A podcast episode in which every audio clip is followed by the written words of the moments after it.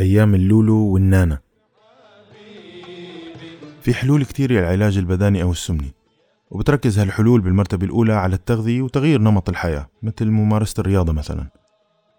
وفي حل جيد ومنطقي لبعض الحالات وهو عمليات قص المعدي وتحويل المسار.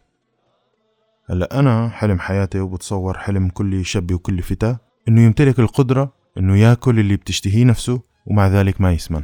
أو مثلا ياكل اللي بيحبه وبعد ما يخلص أكل ياخد حبة سحرية تخلي هالأكل ما يتخزن كدهون. يبدو أنه هالفكرة الخيالية غير قابلة للتحقيق حاليا ولكن ما حدا بيعرف المستقبل شو مخبيلنا.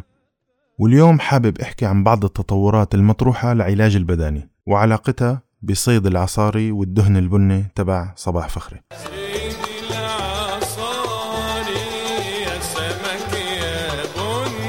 بشهر أكتوبر عام 2020 وبينما كان أغلب الناس قاعدين ببيوتهم بالحجز الصحي مشان فيروس كورونا ومشغولين بتعلم الرقصات المناسبة للتيك توك واكتشاف فلاتر جديدة للإنستغرام. كانت جينيفر داودنا عم تحتفل بفوزها بجائزة نوبل تقديرا لأبحاثها في اكتشافها لتقنية جديدة للتعديل الوراثي واسم هالتقنية CRISPR Cas 9 وراح أقول اسمها هلأ وتحملونا شوي. CRISPR Cas 9 هي Clustered Regularly Interspaced Short Palindromic Repeats.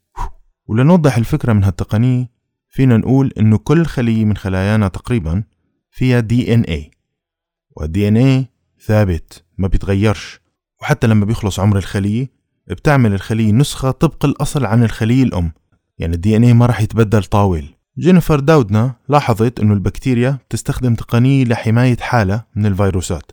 لأنه طلع أنه حتى البكتيريا بتنصاب بفيروسات وبتقتلها الفيروسات. لذلك بعض البكتيريا قدرت تطور تقنية حماية تحميها من هالغزو الفيروسي. بنقدر نقول أنه تقنية ال CRISPR Cas 9 أو ال CRISPR Cas 9 بتشتغل مثل مقصات صغيرة. تقدر تروح على شريط ال DNA وبتقصه بدون ما تدمره ومنضيف هون معلومة وراثية جديدة حابين نضيفها. وهيك لما بدها تنقسم الخلية تنقسم وبتنتقل المعلومات الجديدة اللي ضفناها من الجيل الأول للجيل الثاني. في تقنيات تعديل وراثي بتعمل نفس الشيء ولكن بتاخذ وقت طويل ومكلفة. بينما تقنية ال CRISPR Cas 9 تقنية سريعة وسهلة لدرجة إنه فينك صار تشتري عدة التعديل الوراثي هاي من عند أمازون هالتقنية هاي رح تستهدف بالمستقبل أكثر من 2000 خلل بال DNA بيعملوا أمراض بنسميها single gene disorders يعني اضطرابات بتصير بسبب جين واحد فقط مثل مثلا التليف الكيسي. cystic fibrosis وفقر الدم المنجلي sickle cell anemia وميزة هالامراض إنه جين واحد بسببها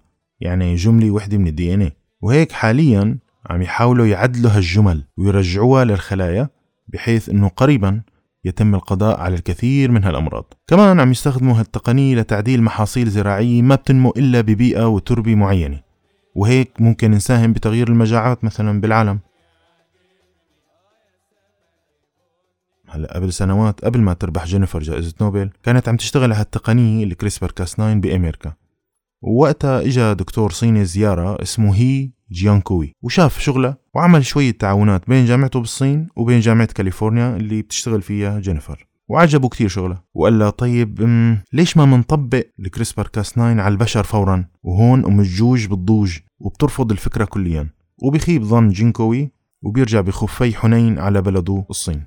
وبعام 2018 لما كان العالم العربي كله ناطر ألبوم جديد تبع عمرو دياب اللي كسر الدنيا كل حياتي راح جيانكوي العالم الصيني على مؤتمر تعديل الجينوم البشري بهونغ كونغ وطلع وقتها وخبر الأعضاوات اللي بالمؤتمر عن ولادة أول طفلتين twins لولو ونانا. هدول الطفلتين مميزات كتير لأنهم طفلتين معدلتين وراثيا من أب وأم مصابين بالإيدز اللي كان رح ينتقل للطفلتين. ولكنه قدر بتقنية الكريسبر كاس 9 إنه يعدل جينات الطفلتين لما كانوا بمرحلة البيضة والنطفة. وبعدها رجعهم على رحم الأم. هلأ هو طلع وحكى شي ساعة ونص على إنجازه الرهيب والحلو وكان متوقع من العلماء إنه يزفقوا له ويفرحوا. ولكن صار العكس. مسحوا بكرامته الأرض على بهادل وتنكر للتدخل اللي عمله.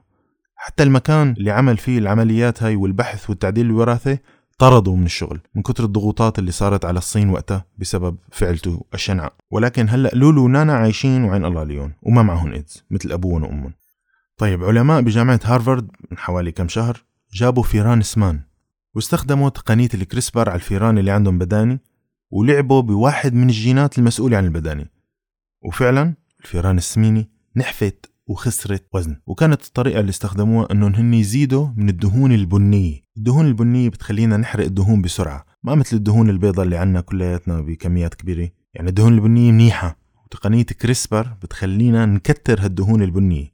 وهالشي رائع جدا وواعد أيضا.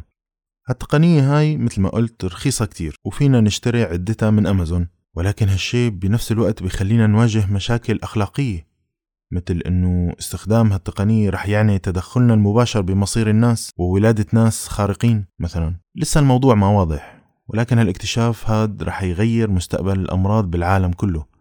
رح نقدر نكافح الملاريا مثلا رح نقدر نكافح فقر الدم المنجلي وغيره كتير من الأمراض.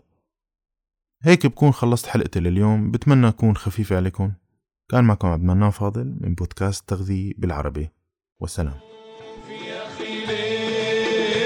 وش بدك